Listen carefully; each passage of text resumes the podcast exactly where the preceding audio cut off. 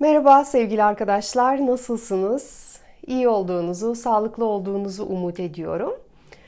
Bir arkadaşımız psikosomatik kansızlığın nedenini sormuştu. Ben bu videoda buna değinmek istiyorum.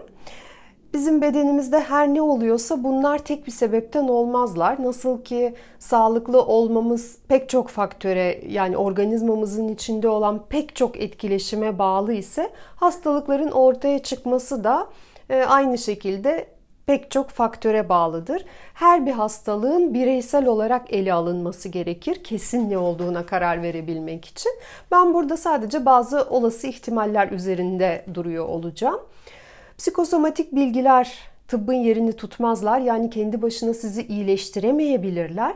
Bu nedenle herhangi bir rahatsızlığınız varsa öncelikle doktora gitmenizi ve doktorun verdiği tedavinin yanı sıra bir de burada bahsedeceğimiz konularla ilgili kendinizi sorgulamanızı öneriyorum. Belki sorguladığınızda bazı şeyleri daha farklı yapmaya karar verirsiniz ve biliyorsunuz ki biz kendimizde, iç dünyamızda bir şeyleri değiştirmeye başladığımızda bir süre sonra bedenimiz de buna tepki veriyor. Dış dünyamız da değişmeye başlıyor.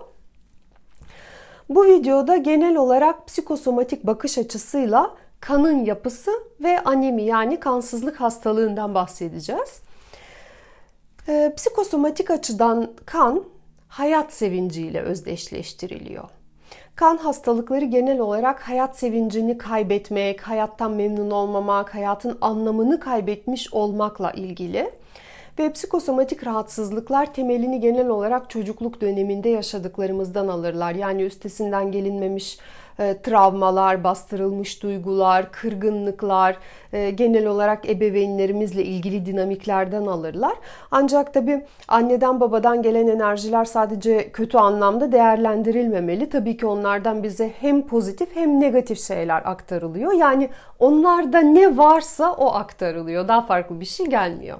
Anne ve baba enerjisini yani dişil ve eril enerjiyi kan açısından değerlendirecek olursak kan plazmadan eritrositler, lokositler, lenfositler, e, trombositler bunun gibi çeşitli e, fonksiyonları olan hücrelerden oluşuyor ve plazma burada dişil enerjiyi temsil ediyor. Bütün o diğer hücrelerin içerisinde yaşadığı ortamı yani alanı oluşturuyor. E, diğer fonksiyonlar da bu ortamın içerisinde çözünüyorlar. Yani kanın içerisindeki o diğer bahsettiğimiz hücreler de baba yani eril enerjidir. Hücreler kanın temel fonksiyonlarını gerçekleştiriyorlar. Şimdi biraz daha detaylı anlatacağım. Ve kan bizim bedenimizin temelini oluşturuyor. Bedenimizde kan eğer dolaşmazsa biz canlı olamıyoruz.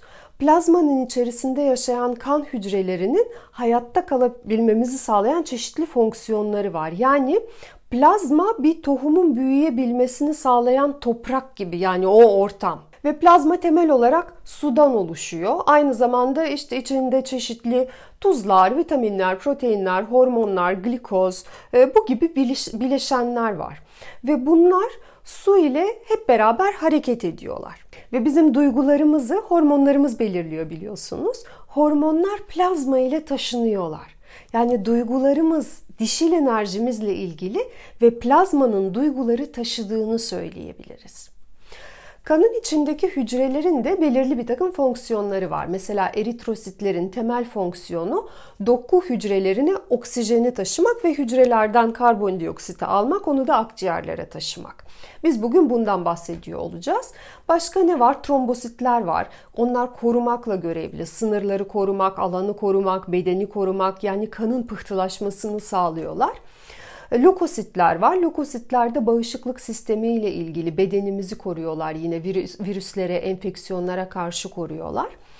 Ve günlük yaşamımızda da bakacak olursak ailenin temel gıda ihtiyacını karşılamak, güvenliğini sağlamak, korumak, sınırları korumak hep eril fonksiyonlardır. Bunlar normal şartlar altında ailenin babası tarafından sağlanırlar. Ve eritrositler, trombositler, lokositler işte bedende bu fonksiyonları, koruma fonksiyonunu yerine getiriyorlar. Anne ise aile içerisinde bereketli bir ortam, duyguların güvende olduğu bir alan oluşturur.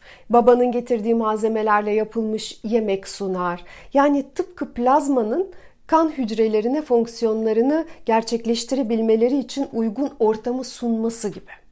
genel olarak kanın yapısını enerjik olarak incelediğimizde bunları görürüz. Peki anemi nedir? Anemi kırmızı kan hücrelerinin yani eritrosit dediğimiz hücrelerin kandaki azlığıdır. Eritrositler hücrelere oksijeni götürürler ve kana kırmızı rengi verirler. Kandan biz bu hücreleri eğer çıkartırsak kan böyle açık sarı renkli olur. Çok belirgin olmaz. Ve buradan yola çıkarak anemisi olan insanları kendini göstermekten çekinen, belirgin, ilgi çekici olmaktan çekinen, göze çarpmak istemeyen kişiler olarak değerlendirebiliriz. Yani kendini göstermeye, kendini ifade etme korkusu yaşayan insanlar. Kendimizi ifade etmediğimiz zaman da biz zaten hayat sevincimizi kaybederiz. Yorgun, mutsuz oluruz bir süre sonra. Peki hayat sevincini geri getirmek için e, veya kendini anlama durumunu geri getirmek için biz neler yapmalıyız? Öncelikle öz değerle ilgili çalışmak gerekiyor. Kendini kabul etmek. Çünkü bizim hayat sevincimizi en çok alan şey kendi varlığımıza, oluşumuza sevinememek, kendi kendimizi sevindirememek.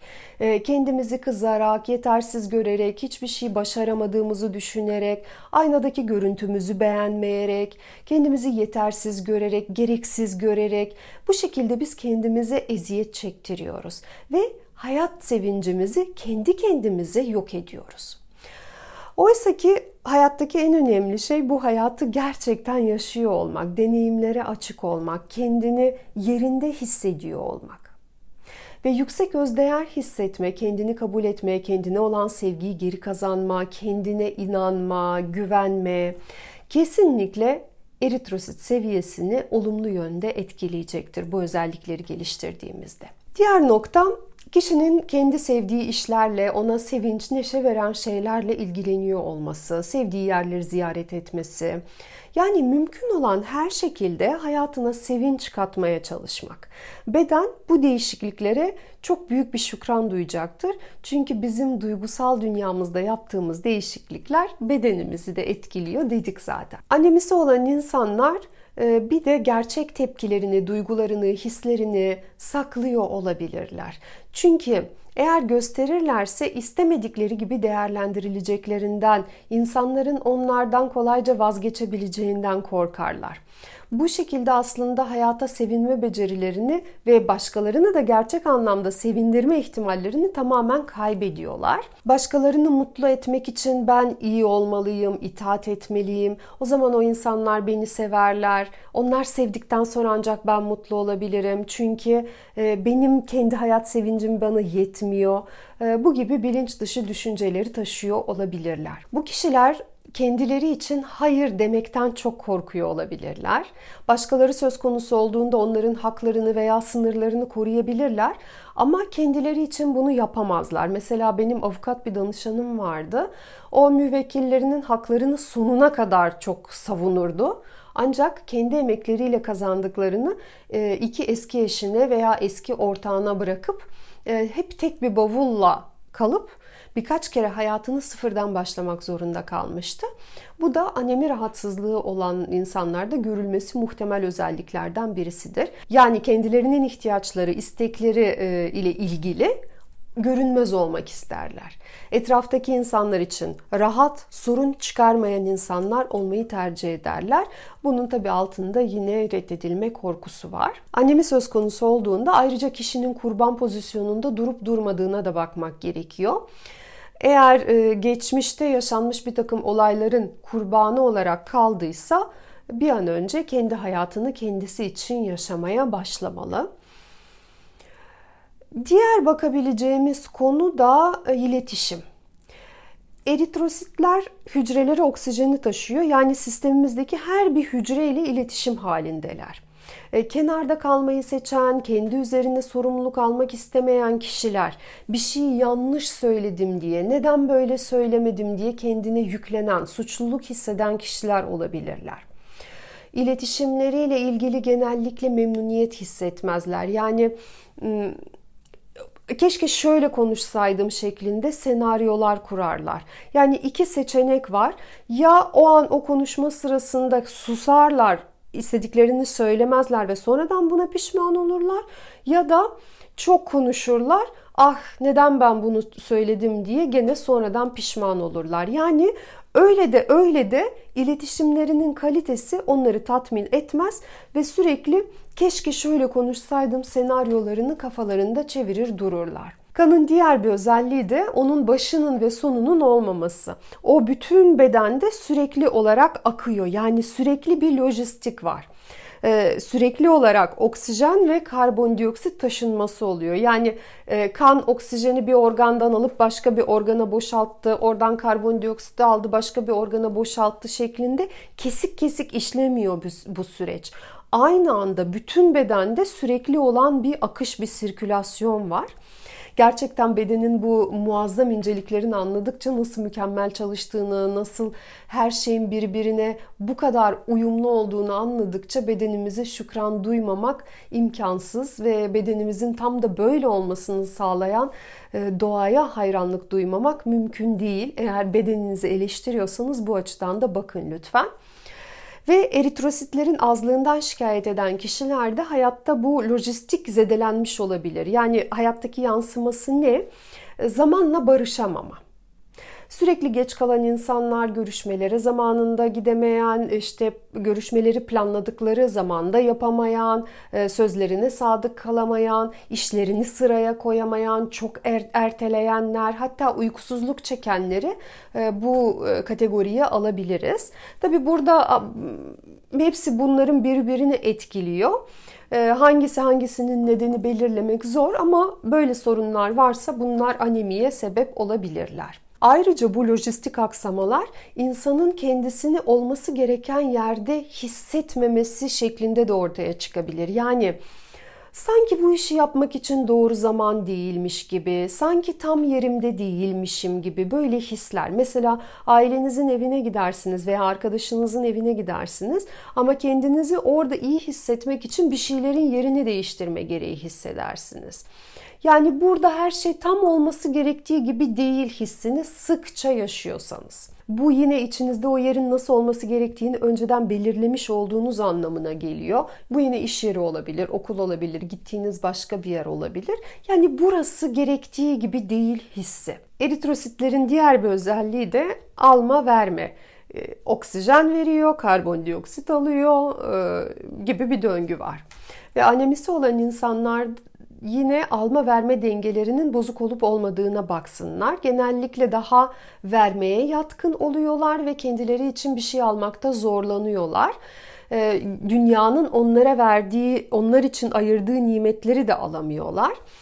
Ee, ve ne oluyor? Biz sürekli verirsek verirsek verirsek bizim kaynaklarımız bir noktada e, kurur, tükenir. Zaten anemisi olan insanlar da kendini nasıl hissediyor? Yorgun hissediyor, tükenmiş hissediyor.